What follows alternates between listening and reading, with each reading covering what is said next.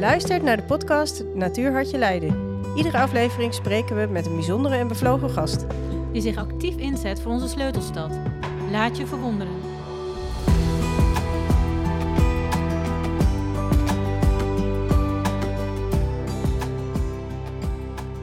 Zoe schrijft met licht. Zij biedt daarmee menig vergezicht op Leiden, stad en al zijn bewoners.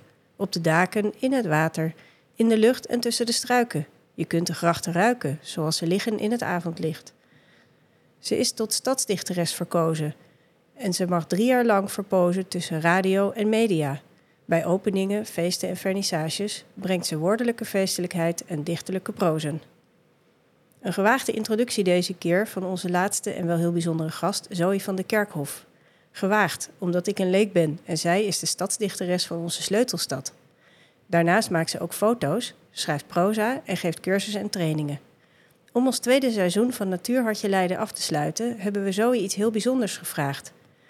We hebben haar gevraagd of ze gedichten zou kunnen voordragen uit eigen werk. En ze heeft ja gezegd. Hoe fantastisch is dat? Dat gaan we vandaag allemaal horen, maar eerst een gesprek met Zoe. Laten we haar beter leren kennen om te horen hoe zij Leids stadsdichteres werd en waar haar inspiratie vandaan komt voor beeld, tekst en geluid. Welkom Zoe, leuk dat je er bent. Nou, wat een mooie introductie. Dankjewel, dankjewel. Heel mooi. Dank. Ja, ik, uh, Laura, ik ben ook eigenlijk heel erg onder de indruk van je, van je dichtkunst. Dus een hele mooie intro, dankjewel. Vandaag zit Zoe inderdaad bij ons aan tafel. En um, Zoe, zou je eerst iets over jezelf kunnen vertellen? Ja, dat is goed. Ik uh, ben sinds een jaar uh, stadsdichter van Leiden. In totaal wordt, is het drie jaar uh, ben ik stadsdichter. Dus ik heb nog twee jaar te schrijven. ik ben mama van het mooiste manneke van de wereld. Dat is altijd belangrijk als eerste te zeggen. dat is 2,5. en ik, ja, ik ben nu sinds 1 januari volledig ZZP'er. Dus ik ben vooral aan het dichten, aan het lesgeven. Ja, precies hoe jij het geïntroduceerd hebt. Dus dat is heel mooi. En wie heb jij als dichter bijvoorbeeld zelf uh, een grote inspirator voor jou geweest? Toon Tellig en Willem Wilming zijn echt... Uh, ja, ik weet niet, inspiratie is altijd moeilijk, maar dat, dat vind, die vind ik echt fantastisch. Mm -hmm. Ja, die hebben echt mij uh, al van kinds af aan, Willem Wilming en later Toon Tellig, echt geraakt op allerlei manieren, ja. Want wat spreekt jou aan, aan hun gedichten? Hun werk? Nou, Willem Wilming is gewoon heel erg... beschrijft hij het dagelijks leven op een hele mooie manier, zonder... Uh, hij werd ook in bepaalde jaren ook niet helemaal serieus genomen, omdat hij blijkt simpel te schrijven. Nou, ik vind dat echt niet waar. Ik denk juist hoe simpeler je schrijft, hoe moeilijker het is mm -hmm. om gewoon het dagelijkse leven vast te leggen en hele mooie manieren om naar de wereld te kijken. Ja, dat, heeft, dat fascineert me enorm. Ja. We gaan nu uh, luisteren naar jouw eerste gedicht. Ja, een boom in de winter. Het is de dood die in zijn takken kruipt de schimmels die over hem heen paraderen en de wind met een genadeloos besluit. Kan hij dit lijden omkeren?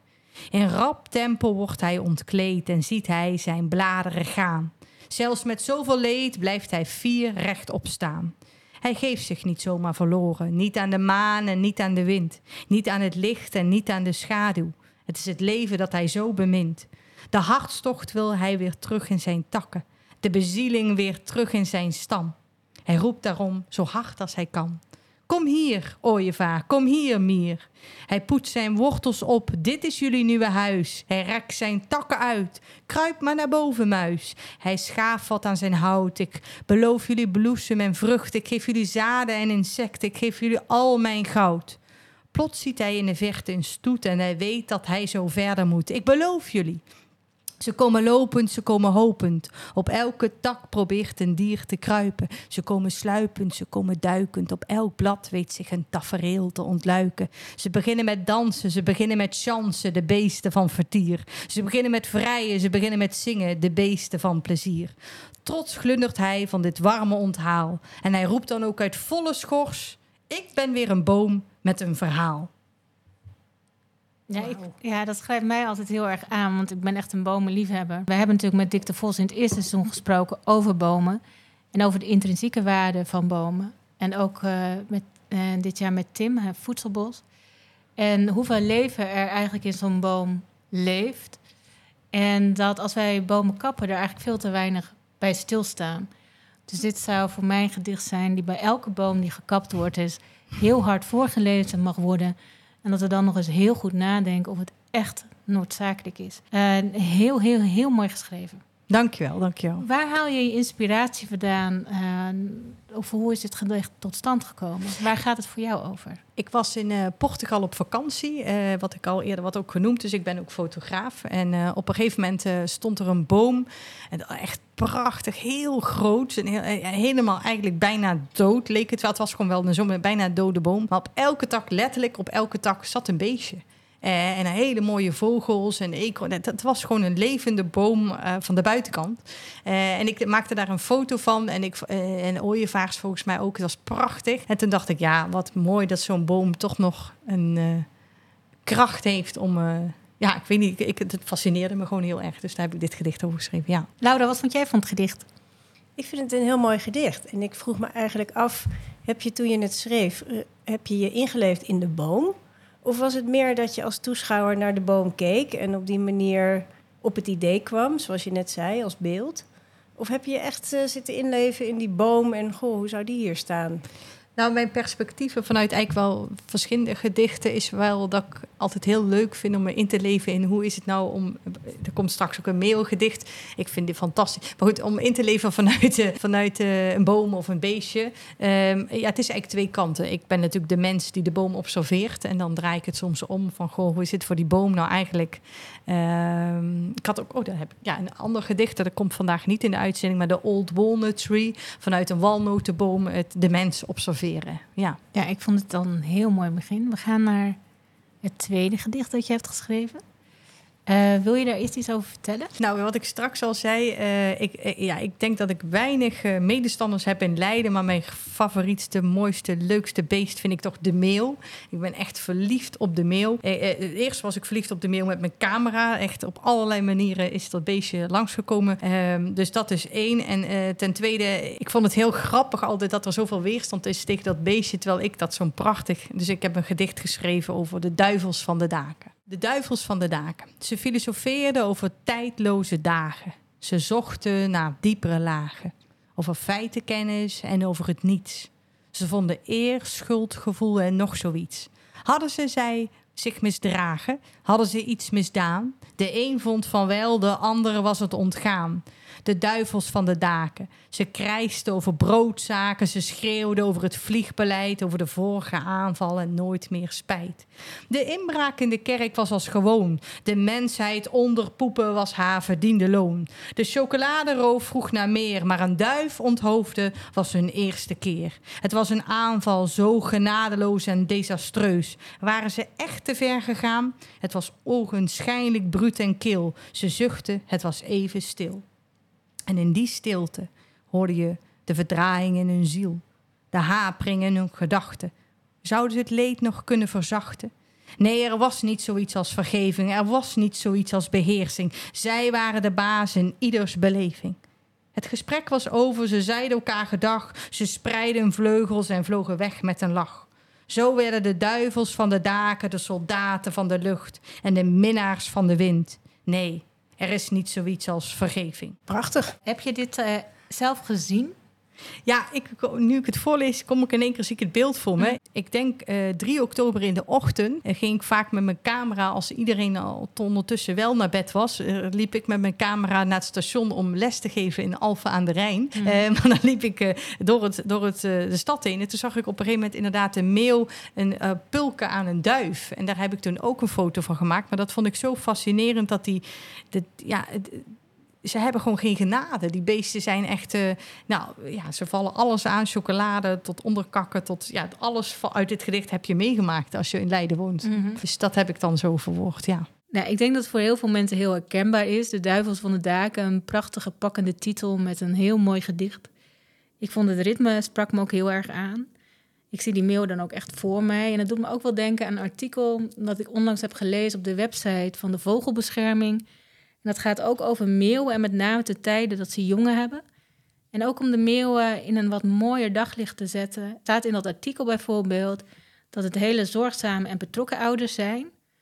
ze verdelen de taken gelijk onder elkaar, van het broeden tot het voeden.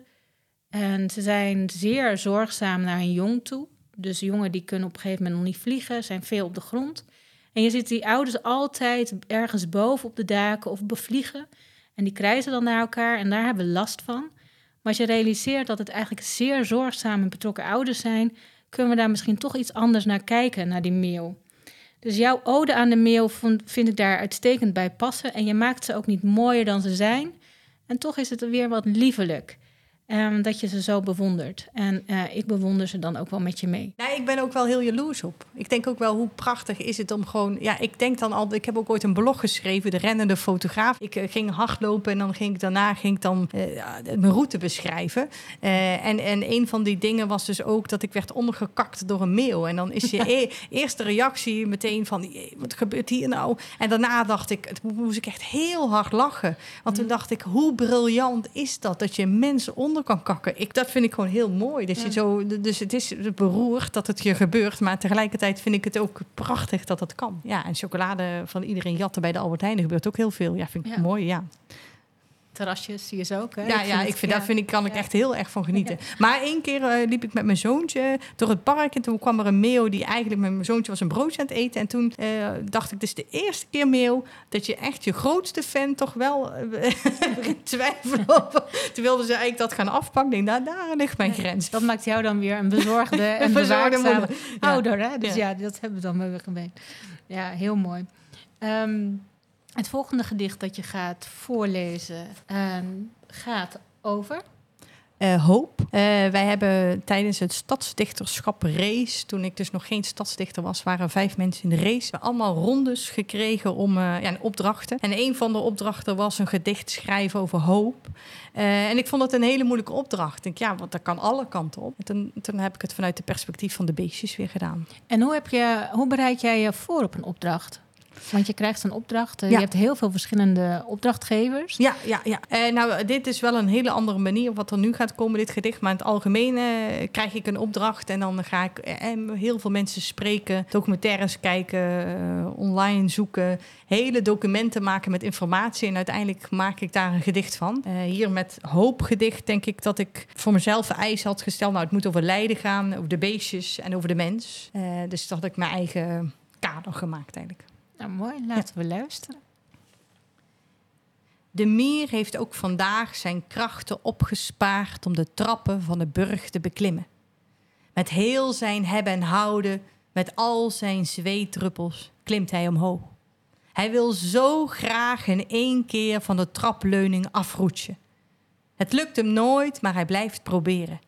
Soms zie je hem duikelen en vallen, soms is hij net over de helft, soms lukt het helemaal niet. De vis in de singel wil astronaut worden. Hij springt iedere avond stipt om kwart voor elf omhoog. De schittering van de maan op de sterrenwacht geeft hem hoop. Eens zal hij naar de maan gaan, dat weet hij zeker. De groene pakiet doet aan valse hoop. Hij zingt en danst tot de lucht en zwaait naar de volière. Jaloers kijkt zijn vriend naar boven. Binnenkort zal ik net zo vliegen, chilpt hij. Ook op de daken is er hoop. Daar zitten de meeuwen. Ze zijn al dagen in beraad. Hoe kunnen we nog één keer, nog één keer beschreven worden door een dichter? En aan de gracht staat de reiger, starend en turend naar het water.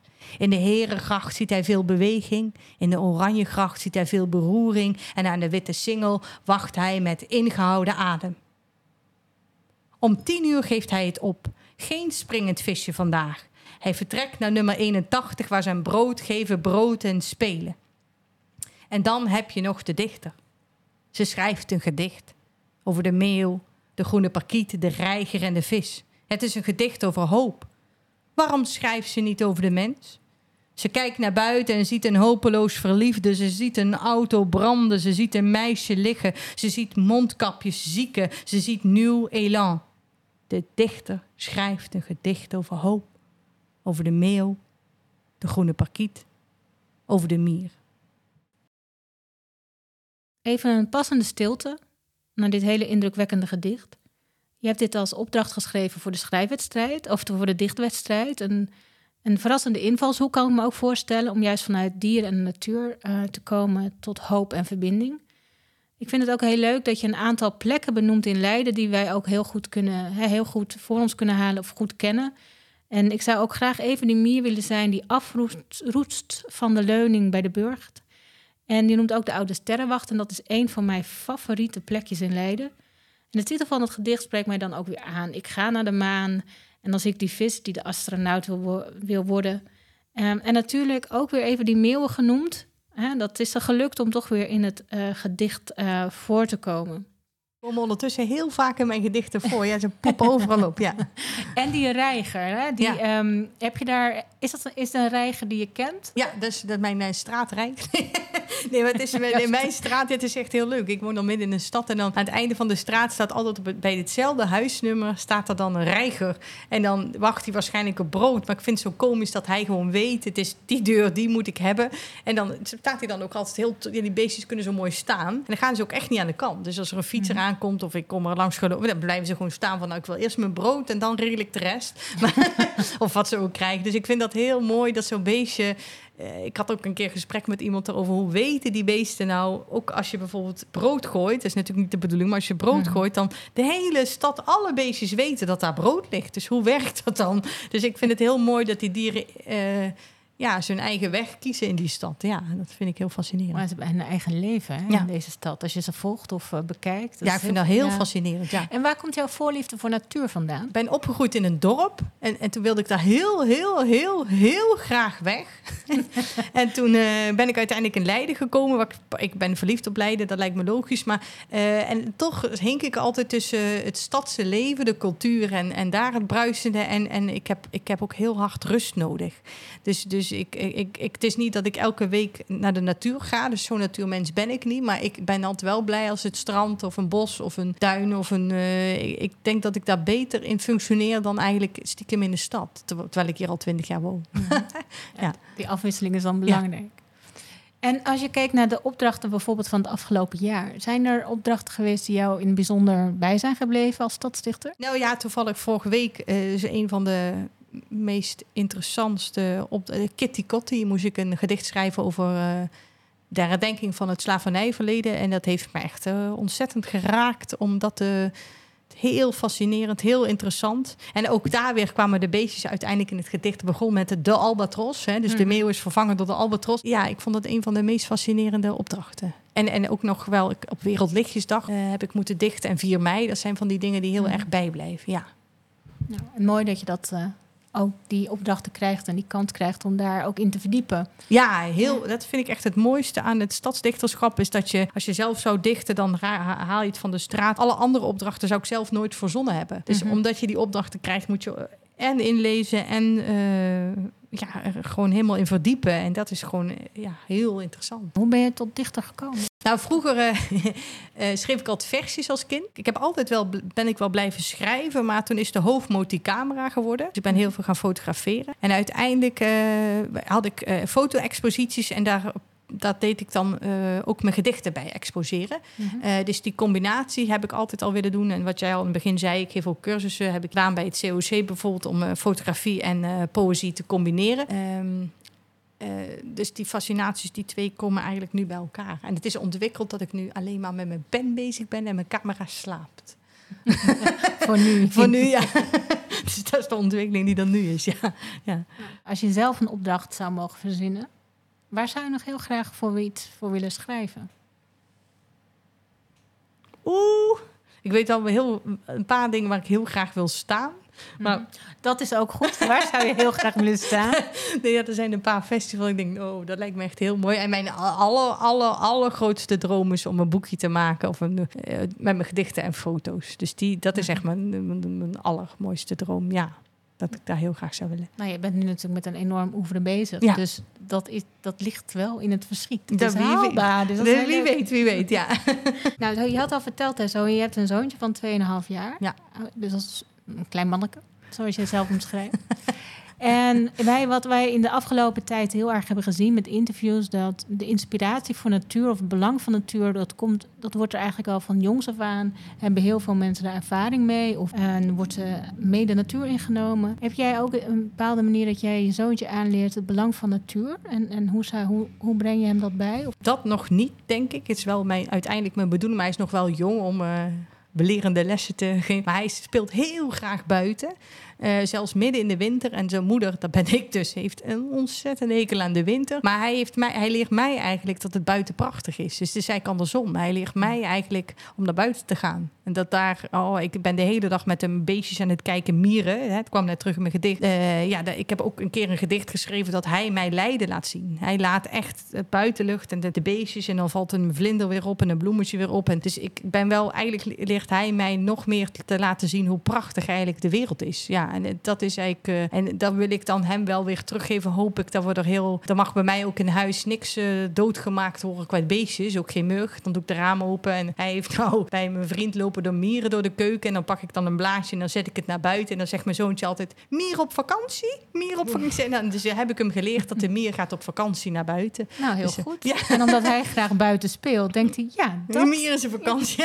ik eet ook bijvoorbeeld geen vlees. Uh, dat krijgt hij dus wel, maar dan biologisch. Dus ik zorg mhm. wel dat, dat uh, ja, gezondheid gaat voor mij voorop. Daar kan je over discussiëren wat dan gezond is. Maar uh, dus ik, ik, hij krijgt geen ander vlees dan biologisch vlees. Dat snapt hij nou niet, maar mm dat is Dus wel... je maakt wel al echt wel bewuste keuzes. En ja, nu je het vraagt, denk ik, misschien is het bewust. Ja, ik denk dan niet zo. Het is gewoon mijn het manier. Is, ja, maar het is juist wel mooi dat je hè, dat aan de ene kant heb je het leven dat je van binnen en in je huis van hey, als er ander leven, doden wij niet in dit huis. Dus dat is natuurlijk heel mooi. Ja. En aan de andere kant is het ook de, de, de kinderlijke verwondering... Ja, die je van, je van je zoontje weer meekrijgt. Ja, en, wij kunnen echt een uur lang naar Mier zitten kijken. Dat, dat deed ik de laatste twintig jaar, heb ik dat nog nooit gedaan. Behalve dan met... Terwijl ik dat altijd wel heel fascinerend vond. Dus niet dat ik dat niet... Maar de laatste keer dat je heel... Ja, ik vind dat heel mooi. En we hebben een hond.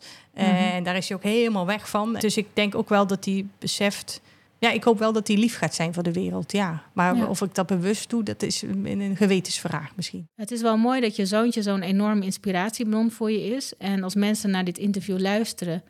En dan heb je ook de luisteraars geïnspireerd om wat meer hè, naar de wereld om ons heen te gaan kijken. En de afstand te verkleinen tussen onszelf en, en de wereld om ons heen en de natuur. En, en dan raken we ook weer wat meer verbonden. Um, andere inspiratiebronnen zijn voor jou de dichters Willem Wilmink en Toon Tellige. Die heb je aan het begin van het gesprek genoemd. Um, en dan zijn we eigenlijk ook toe aan onze laatste vraag, die we stellen aan iedereen in dit seizoen. Zijn er andere mensen die jou hebben geïnspireerd? Het is een beetje cliché, maar het is wel. Ja, mijn, echt, mijn grootste inspiratie is echt mijn zoontje. Over verwondering gesproken. Ik, ik denk dat wij zoveel verloren zijn aan kijken. En op zo, ik bedoel, ik ben een fotograaf en een dichter, dus dat is ook mijn, mijn taak, is de wereld bekijken. Maar hij bekijkt de wereld. Oh, ik ben jaloers op. En, en ook wel met nostalgie denk, waarom hebben we het verloren? Het kijken naar die wereld. Hè? Op het nu is het echt wel, kan ik uren kijken naar hoe hij naar de wereld kijkt. Ja. Mhm.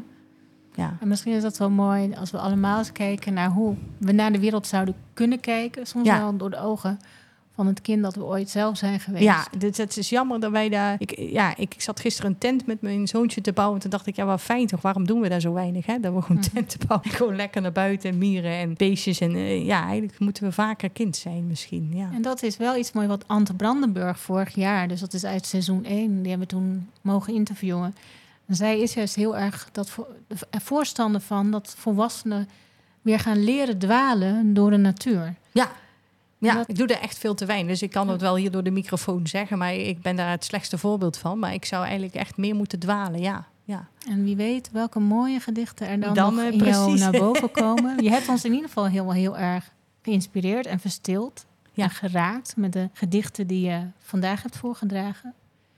Dus laten we naar het laatste gedicht te gaan van vandaag. Zou je er eerst iets over willen vertellen voordat je het voorleest? Uh, ook dat is weer een observatie van de lente. Het houdt maar kort. Ja, dus wat ik in de lente. Het lenteschilderij. Ik begon aan dit schilderij toen het nog sneeuwde. Er was een verlangen dat ik niet kon temperen. Het was het verlangen naar lente. Ik schetste terrassen waar prille lenteliefdes latte bestelden. Ik schilderde zwaluwen, zwevend over bloemenvelden, magisch zo mooi. In het monkeybos liet ik kinderen zwieren, als apen zo vrij. De bijen mochten baden in stroop en zwemmen in zeeën van poedersuiker. Ik speelde met kleur. De zilverreiger werd witter, het poldergras groener, de euforische koeien zwarter. Van de omgekeerde vlaggen maakte ik koninklijke kleden, zo kreeg iedereen een stem. En de nachtegaal, de mug, De muskusrat, de mens, de meeuw dansten. Ze dansten. Ze dansten samen de lente. En met deze laatste woorden sluiten wij het tweede seizoen van Natuur Hartje Leiden af. Zoe, ontzettend bedankt voor je komst. Graag gedaan. Bedankt voor het luisteren. Voor meer informatie of het stellen van vragen kun je terecht op onze website natuurleiden.nl. Graag tot de volgende keer.